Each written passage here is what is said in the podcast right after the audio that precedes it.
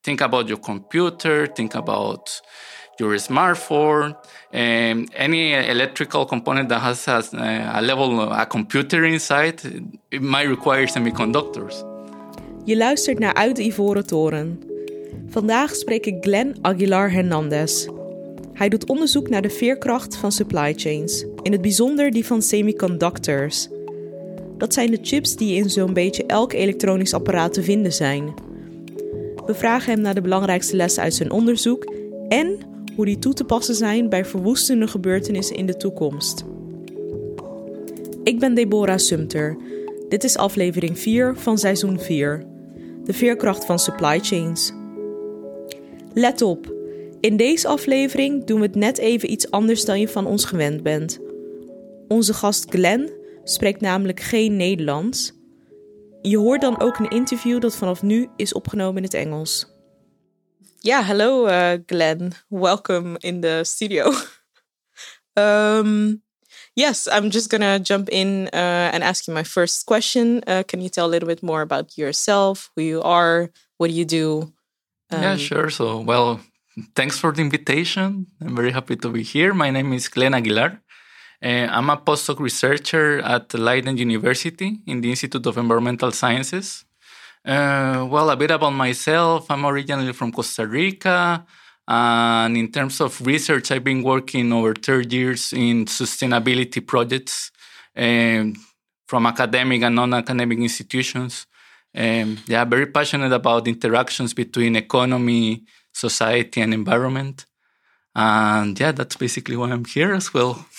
yes, you said you were very interested in sustainability. Um, can you tell us more, like when that started, or what was the specific moment where you, for you, where you were like, okay, this is an important subject to focus on? Yeah, sure. So for that, actually, I I would like to tell you a bit about uh, my background, right?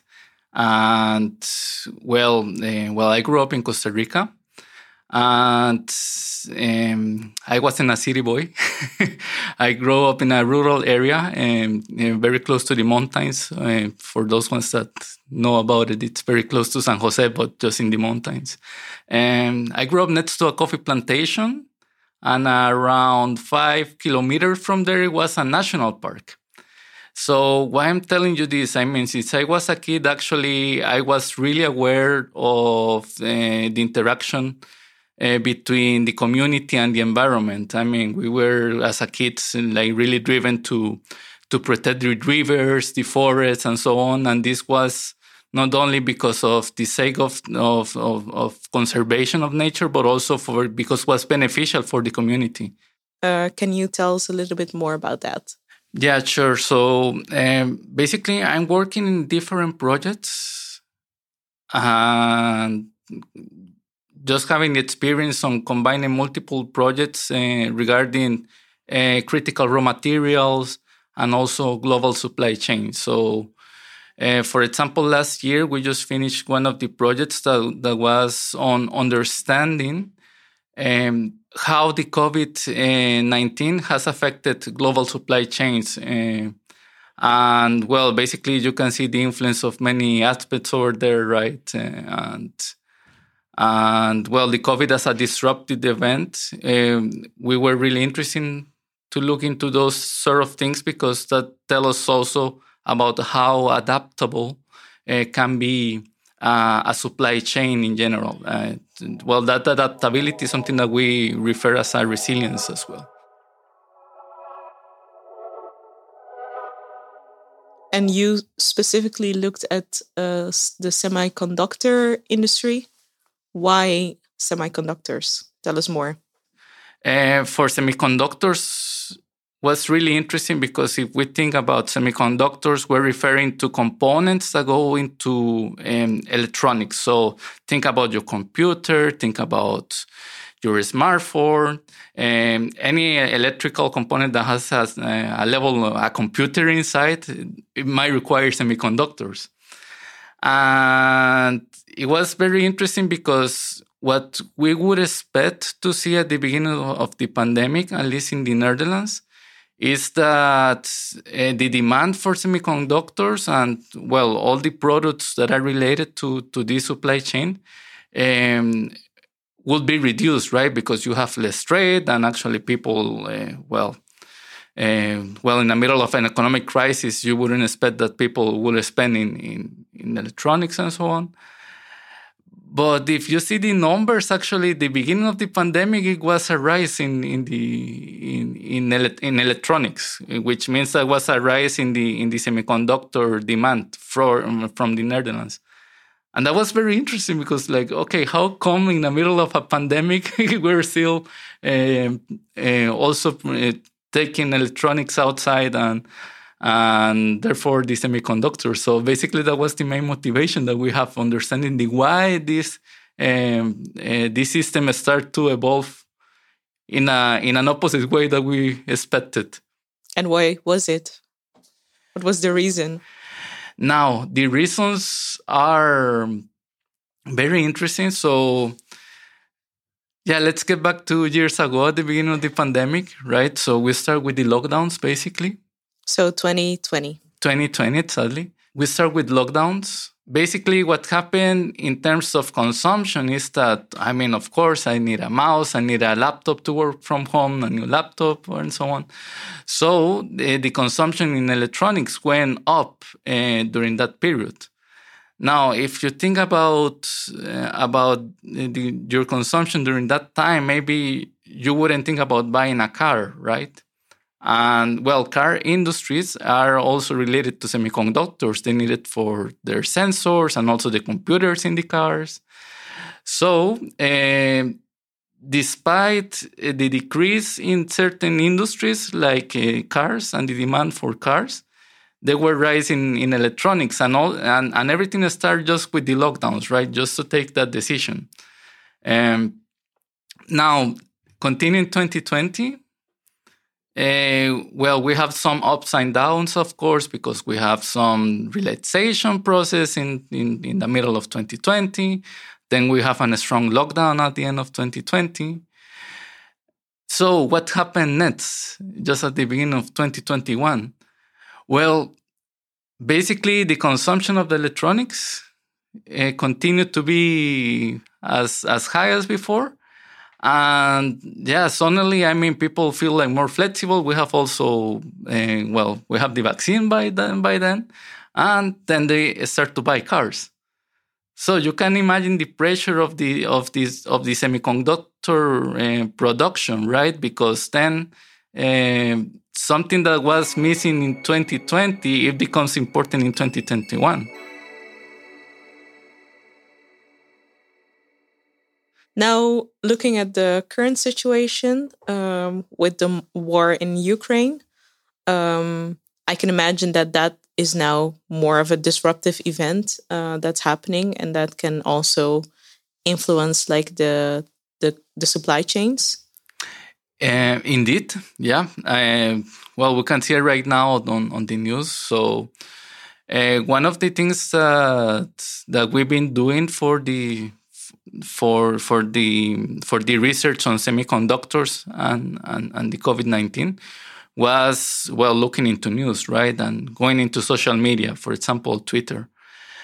And when I go back to January this year, um, what I notice is that indeed uh, you will see news regarding the semiconductor shortage, and also linked with, with the whole COVID situation and the global supply chains. Um, I tried to double check this information two weeks ago, and the narrative was completely different. Right now, you can see that people are talking about semiconductors, and the first thing that they refer is with uh, with raw materials related to Ukraine, for instance. So, what I would expect is that the uh, well, in the coming months, uh, uh, well, uh, the narrative will change completely, and perhaps uh, what we have done uh, during last year will be already uh, well. It has to be up to date for for sure. Um, this might be sounds depressive from my side, right? And as a researcher, because so why did I do the the research beforehand? Uh, but also, I think that it's important to consider the, the process it, itself, right? So, if if we think about the, the conflict between Russia and Ukraine and how that's going to affect the, the, world, if we think about uh, what happened in the past two years with, with COVID, actually, we can talk about disruptive events in general. And it doesn't matter in which um, period uh, we are, uh, we will face this type of disruption. So analyzing one of each um, and and try to find actually um, alternative to to become more resilient and, and, have more resilient supply chains actually is something that might be beneficial. So I was wondering whether the learnings that you had from analyzing uh, COVID as a disruptive event uh, when it comes to global supply chains and the learnings that you had from how to make uh, supply chains more resilient, whether you could translate some of those learnings to the situation now, looking at the conflict between Ukraine and um, Russia. All right. Um, I yeah, I think that we can translate uh, a few a few ideas. So the first one, perhaps, it's about um, the new dynamic that we're seeing in global supply chains. So, I mean, it is clear that in the past 30, 40 years, um, we have this dynamic in which um, every country is very inter- inter- interconnected because, well, because of international trades, also the outsourcing, right? The, this concept that actually I don't need to produce in my own land, I can produce elsewhere that is cheaper and just then bring back the, the products. And suddenly you start to, to see this, uh, this discussion about uh, regionalization, nearshoring, which means that actually, okay, we, we need to come back to bring the, the production back to, to our regions. And this might be for multiple reasons, right? Um, one of one of the the reasons, uh, it's what we discovered during during doing our research, is that this process of regionalization might provide uh, more resilience, right? I mean, you're more autonomous in, in, in your supply chain. Of course, you cannot disconnect uh, completely from the world. You, you, at some point might need raw material from from different regions and so on but it's still uh, i mean it's a completely different it, it, it's a transforming world in, in, in that sense and uh, right now between these different uh, between these two disruptive events the, the, the, with the covid and also the, the current conflict the russia ukraine I, I would expect that actually the the discussion, uh, at least from, from countries that, that are not directly affected, um, are on how actually they can uh, come back to and uh, how they can bring the production back to, to home, right?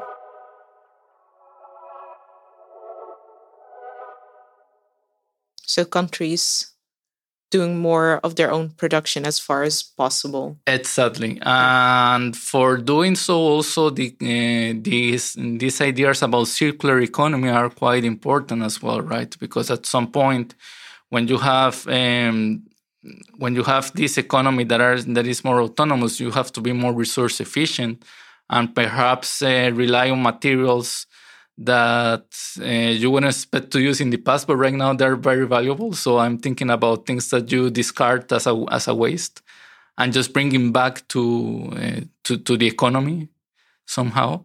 Um, so yeah, I mean that that follows more the discussion right now uh, regarding yeah the regionalization and also thinking about how to become more circular in in the near future. Yeah, I was also wondering uh, whether uh, the, you can say more about the complexity of supply chains. So, for example, is it the case that the more complex a supply chain gets, that it's more beneficial to uh, yeah to conflict between uh, regions or countries, or would that lead to more peace? Well, that's a very interesting question let me see. So the complexity of the supply chain refers more to to how many steps uh, uh, you need to cover in order to to achieve cer- certain uh, good or, or service, right? So the complexity itself doesn't give you any hint about uh, the conflicts or the disruptions that, that might happen. Um, of course, if you have like so many variables, right, like like so many steps in order to, to achieve something, you might have more risk on in terms uh, that I mean you have more more variables that might be affected by something and for disruptions, I mean, we're thinking about, I don't know, like geopolitical conflicts or, well, the, the healthcare situation with the COVID, but also you can think about natural disasters, for instance. So at some point, uh, the complexity might give you like more variables, but on the other hand, the complexity also allows you to to be more uh, uh, to be to be able to diversify your supply chain. So I mean, these many dots or steps might mean that actually you have more more places where to get certain raw material or certain good that you need. And this one, in terms of resiliency, this diversity part is quite important because actually it allows you to, to be more resilient. Yeah, then I have more questions about you as a researcher and uh, how you stay in contact with uh, society. So uh, the podcast is called uh, Outside of or Beyond the Ivory Tower. Um, being researchers sitting within that tower, uh, how do you stay in touch with society? Oh, I wish to have more contact with with society. Uh, right now, uh, the way that I see it, um, I'm working a lot in, in, education. So of course, the younger generation it's some something that I'm tackling right now, but still with knowledge, right? Sometimes I know that as a researcher and academics, uh, uh, we might become a, a, bit abstract in our ideas.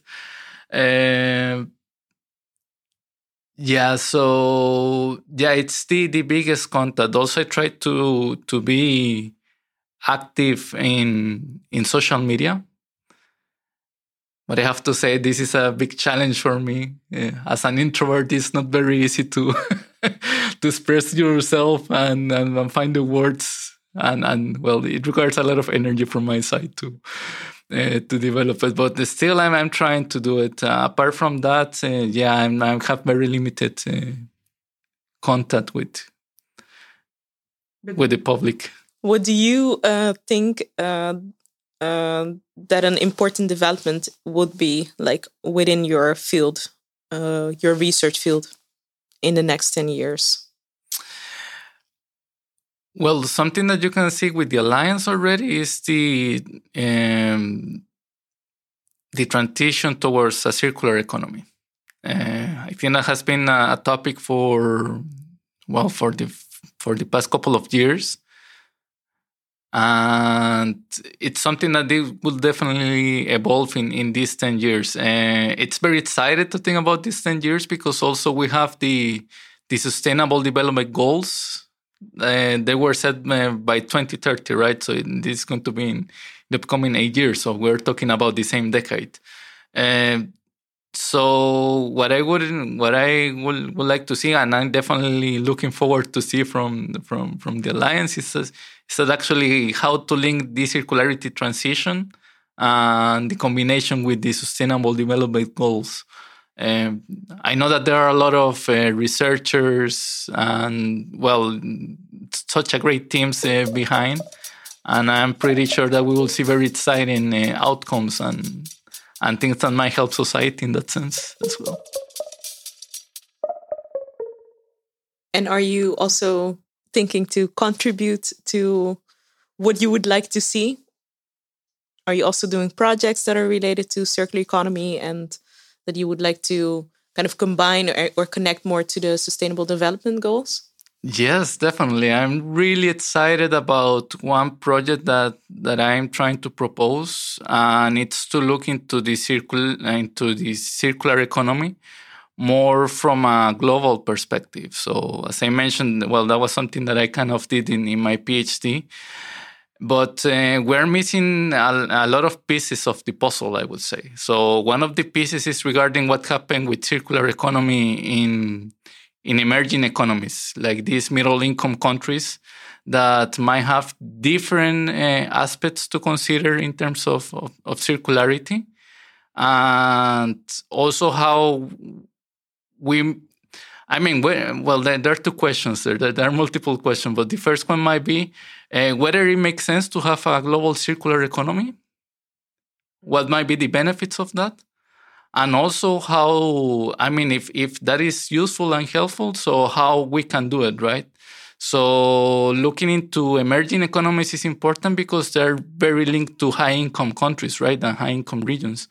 And that is something that I would like to have as a contribution, just to the understanding on, on how to to develop this circularity aspect more from, from a global perspective.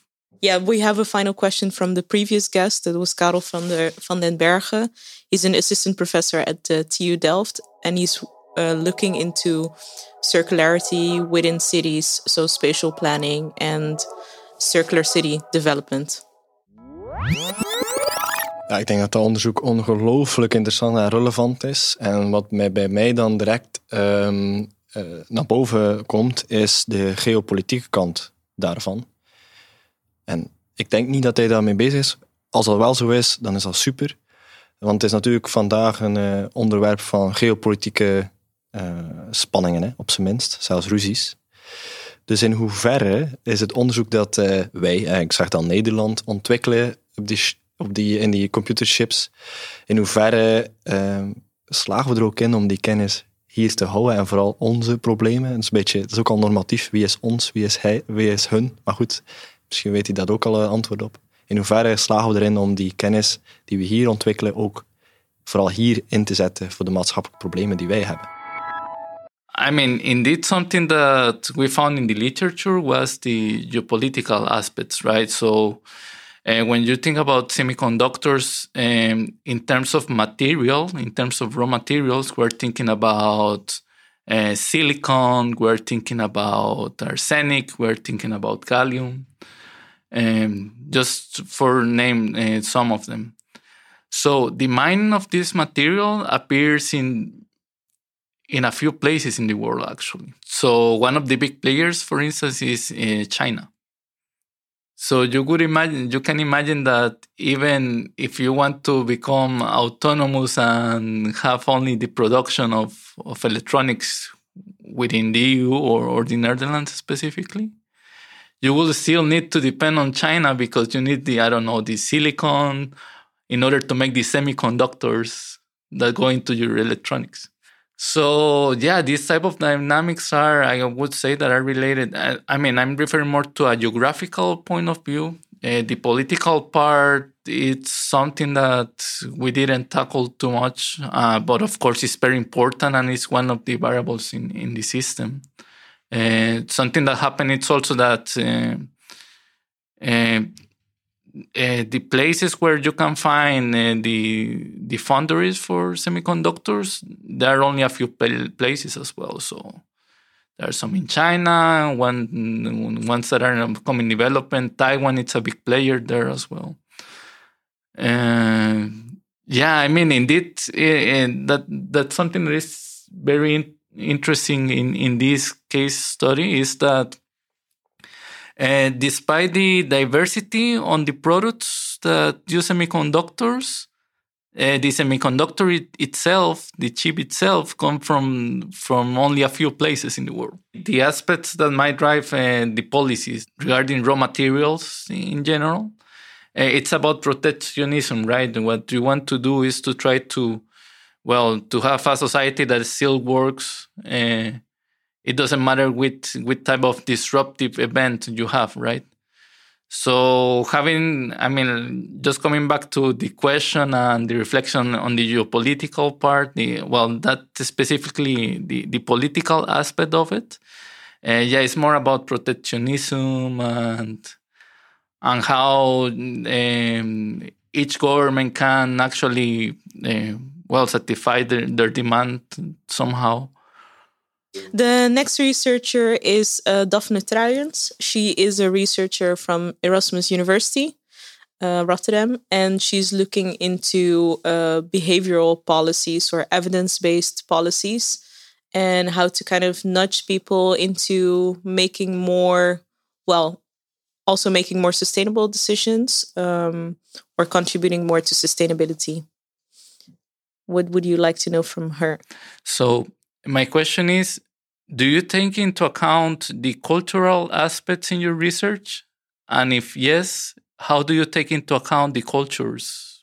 Yeah, well, Glenn, thank you for uh, being here in the studio. Uh, and I learned a lot new things about supply chains, uh, resilience, um, and uh, yeah, I'm, I'm really curious to see more about your research in the future, also circular economy and emerging economies. Yes, so thank you for being here. No, thanks for the invitation. I really enjoy it. Thanks. Bedankt voor het luisteren. Kun je nou niet genoeg krijgen van supply chains? Luister dan naar seizoen 3, aflevering 1 met Ankita Singvi en René Klein. Over twee weken zijn we terug. Dan spreek ik Daphne Truijens en hebben we het over het beïnvloeden van gedrag. Kunnen we langzaam richting duurzaamheid genutst worden? Tot de volgende uit de Ivoren Toren.